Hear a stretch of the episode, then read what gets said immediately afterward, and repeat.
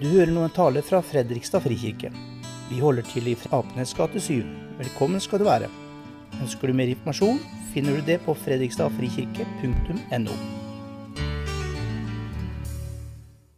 Jesus eh, og disiplene dro ut til landsbyene ved Cesarea Filippi. Jeg tror jeg skal stoppe allerede her. Eh, For, for hvor er det men? De forlot Betzaida og gikk opp mot Cesarea Filippi, nordenden av Israel, i, i nærheten av Dan. I tidligere tider sa man at Israel eh, gikk fra Beersheba til Dan, altså som fra eh, Lindesnes til eh, Hammerfest. På, eh, så på veien spurte han disiplene, hvem sier folk at jeg er? Og de svarte døperen Johannes, men noen sier Elia, andre en av profetene. Og dere, spurte han, hvem sier dere at det er? Da svarte Peter, du er Messias. Men han forbød dem strengt å snakke om han til noen. Jesus begynte å lære dem menneskesønnen må lide mye og bli forkastet av de eldste, overprestene og de skriftlærde. Han skal bli slått i hjel, og tre dager etterpå skal han stå opp. Dette sa han i åpenhet. Da tok Peter han til side og ga seg til å irettesette han. Men Jesus snudde seg, så på disiplene og sa strengt til Peter, Vik bak meg, Satan. Du har ikke tanke for det som Gud vil, bare for det som mennesker vil.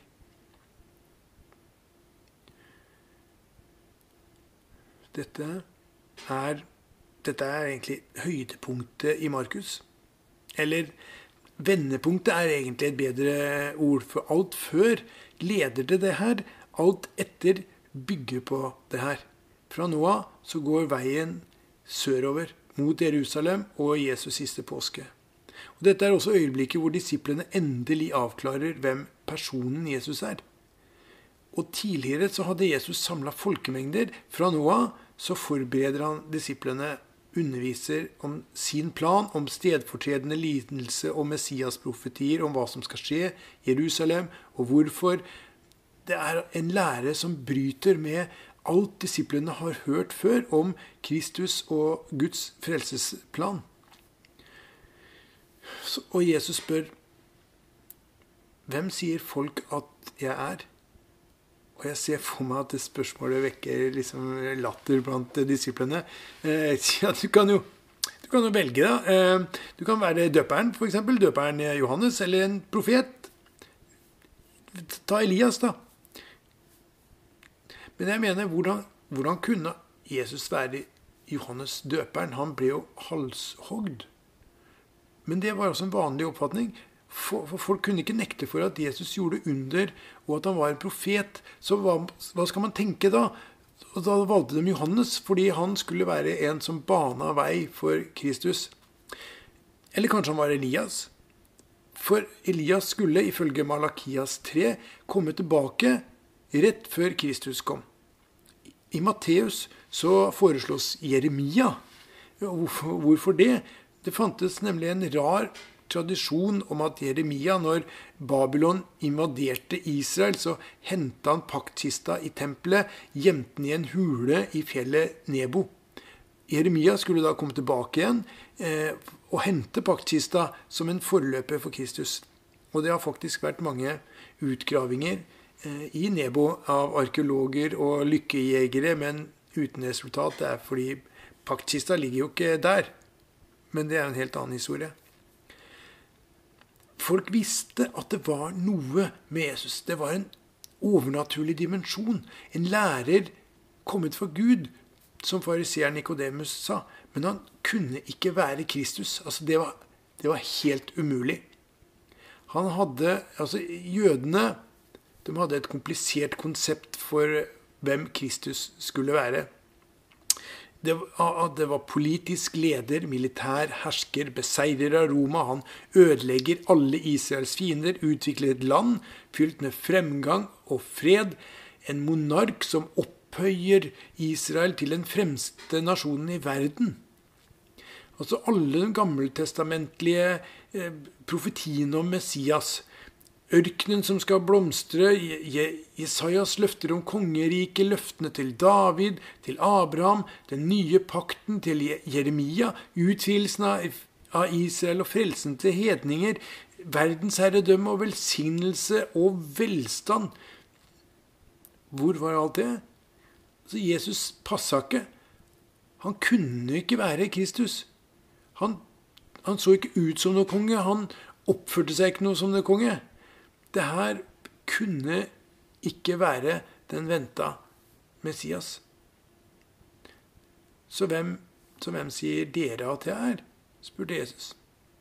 Og dette prata de sikkert om eh, hele tida. Er, er han det, eller er han ikke det? Eller, men, og, og, dette er første gangen vi hører bekjennelsen så klart og bestemt. Du er Messias. Du er Kristus, sier Peter. De har endelig avklart hvem han er. Han er rett person.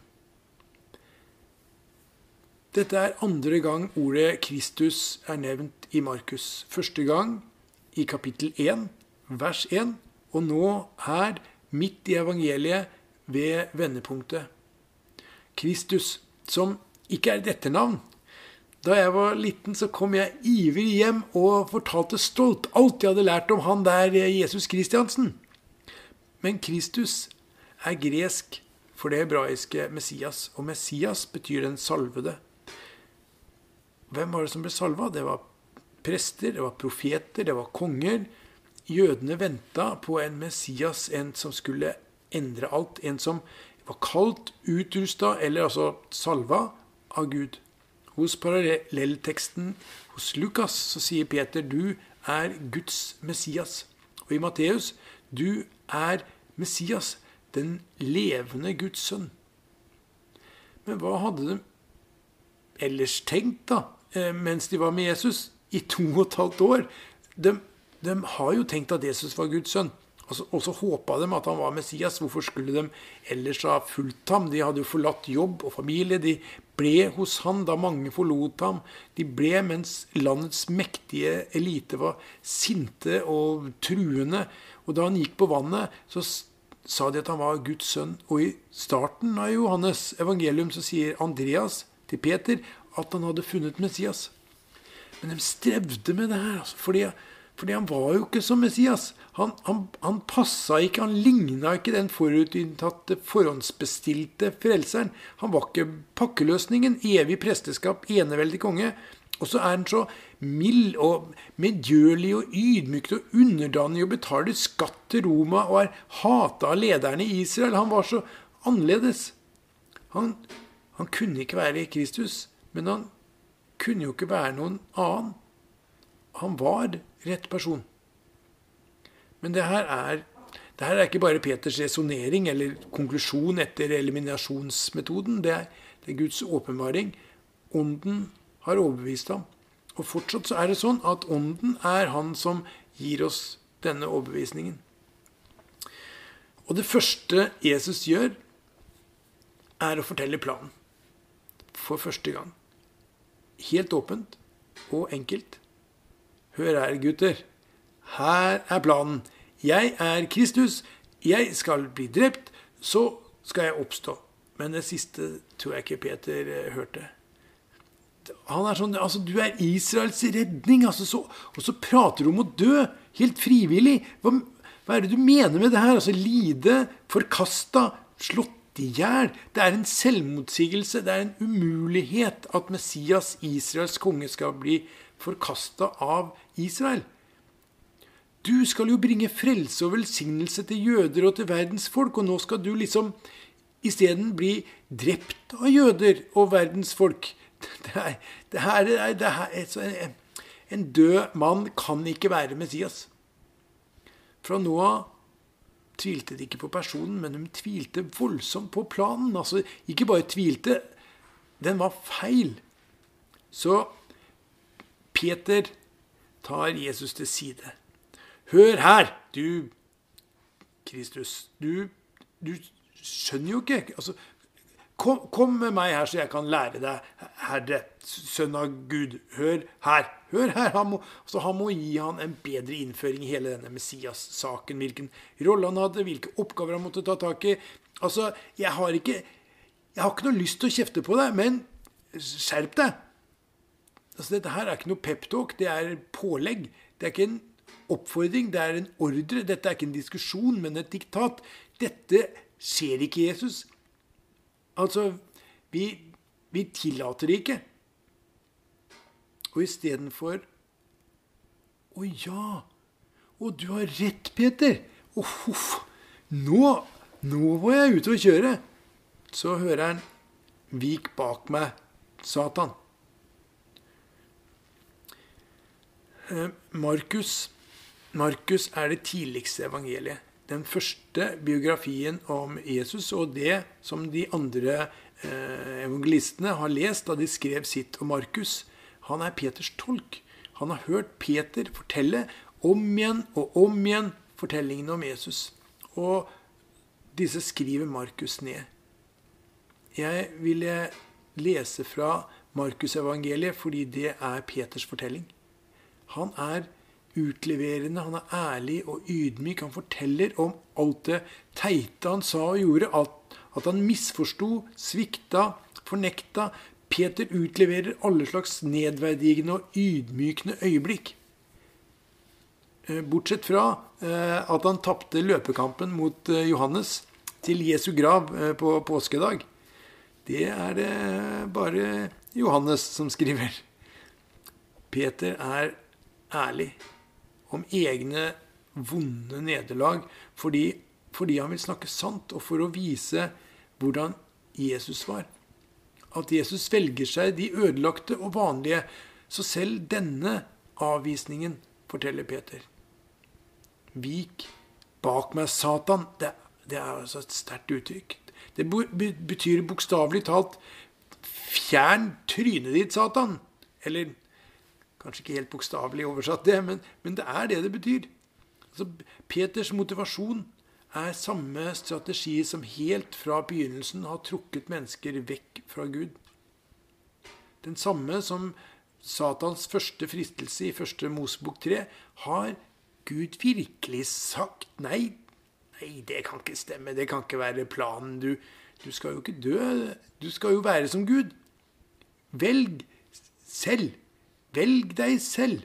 Det som er mest behagelig, og som fyller dine behov, det er, det er best. Eh, og Jesus sa, 'Du er en felle for meg, Peter. Du er en lukkende, åtesatt satanfelle. Fjern trynet ditt.' Altså, har noen noen gang vært så høyt oppe og så lavt nede så fort? Så fra svimlende anerkjennelse til smertefull avvisning. Peter og disiplene var fanga bak nåtidens menneskelige skylapper og, og, så ikke betydningen av fortidens messianske profetier eller framtidig evig frelse gjennom kors og oppstandelse. Peter må ha blitt knust. Så han ville jo bare, ville jo bare hjelpe, bare forklare. Men dette var hans kortsiktige, menneskelige versjon. Altså en, en selvsentrert plan som søkte anerkjennelse og komfort, lykke, fremgang. Han så jo for seg en posisjon som nestkommanderende i Messias-riket. Dette var ikke Jesu plan for seg selv. Dette var ikke hans plan for Peter heller, og ikke hans plan for deg fordi den er mye større. Den er nemlig glede, frihet, fred, frelse, evig liv. Men jeg tenker, hva med vår tid, da? Hvem sier folk at Jesus er? Så filosofer og historikere, teologer, islam, jødedom, populærvitenskap, ateister, agnostikere, naturalister, humanister Alle livssyn har svar. Folk har gjerne et komplisert konsept for hvem Kristus skal være. Om du spør hvem er, hvem er Jesus, da får du mange svar. Du kan få gode samtaler, for folk har teorier og tanker. Men om du spør hvem er Jesus for deg, hva betyr han i din hverdag? Hvordan påvirker han ditt liv? Da blir det annerledes, for da blir det personlig. Jeg, jeg liker ikke uttrykket 'personlig kristen'. Det er ikke Det blir liksom øh, Det blir som å være gravid, liksom. Det er, det er jo enten-eller. Er du gravid? Ja, litt. Eh, er du kristen? Ja, men ikke personlig. Jeg syns det uttrykket er dårlig. Men her er det bra. For det viser forskjellen. For Jesus spør deg ikke 'Hvem sier folk at jeg er?' Han spør 'Hvem sier du at jeg er?' Det er det personlige forholdet som teller. Hvem er jeg for deg? Hva betyr jeg for deg? For, for livet ditt? For hverdagene dine? Og dette Hvis jeg skal være ærlig, så strever jeg ofte med det her. For jeg velger så ofte menneskets plan. Som kjære Gud, velsign det jeg holder på med, det jeg mener er best for meg. Så gi meg velstand og fremgang og velsignelser og fine ting.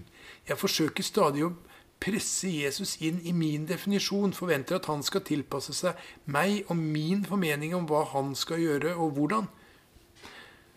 Jeg er glad for at Peter er personlig. Han viser at Gud bruker de enkle, de med feil. De som svikter, de uten peiling, de med feil plan. Hvem sier du at jeg er? Det blir nært, avslørende. Og det er meninga. For der, i ærlig samtale med Jesus, hvor du er åpen om egne tanker og holdninger og motiver, der møter Jesus deg. Der kan han gi deg liv. Kristus, den levende Guds sønn, oppfyller profetiene om velsignelse og hvile gjennom det personlige møtet.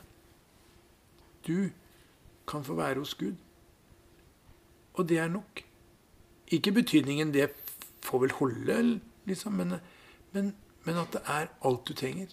For der finnes glede og fred og frihet og frelse. Han er riktig person. Og hans plan for deg er riktig.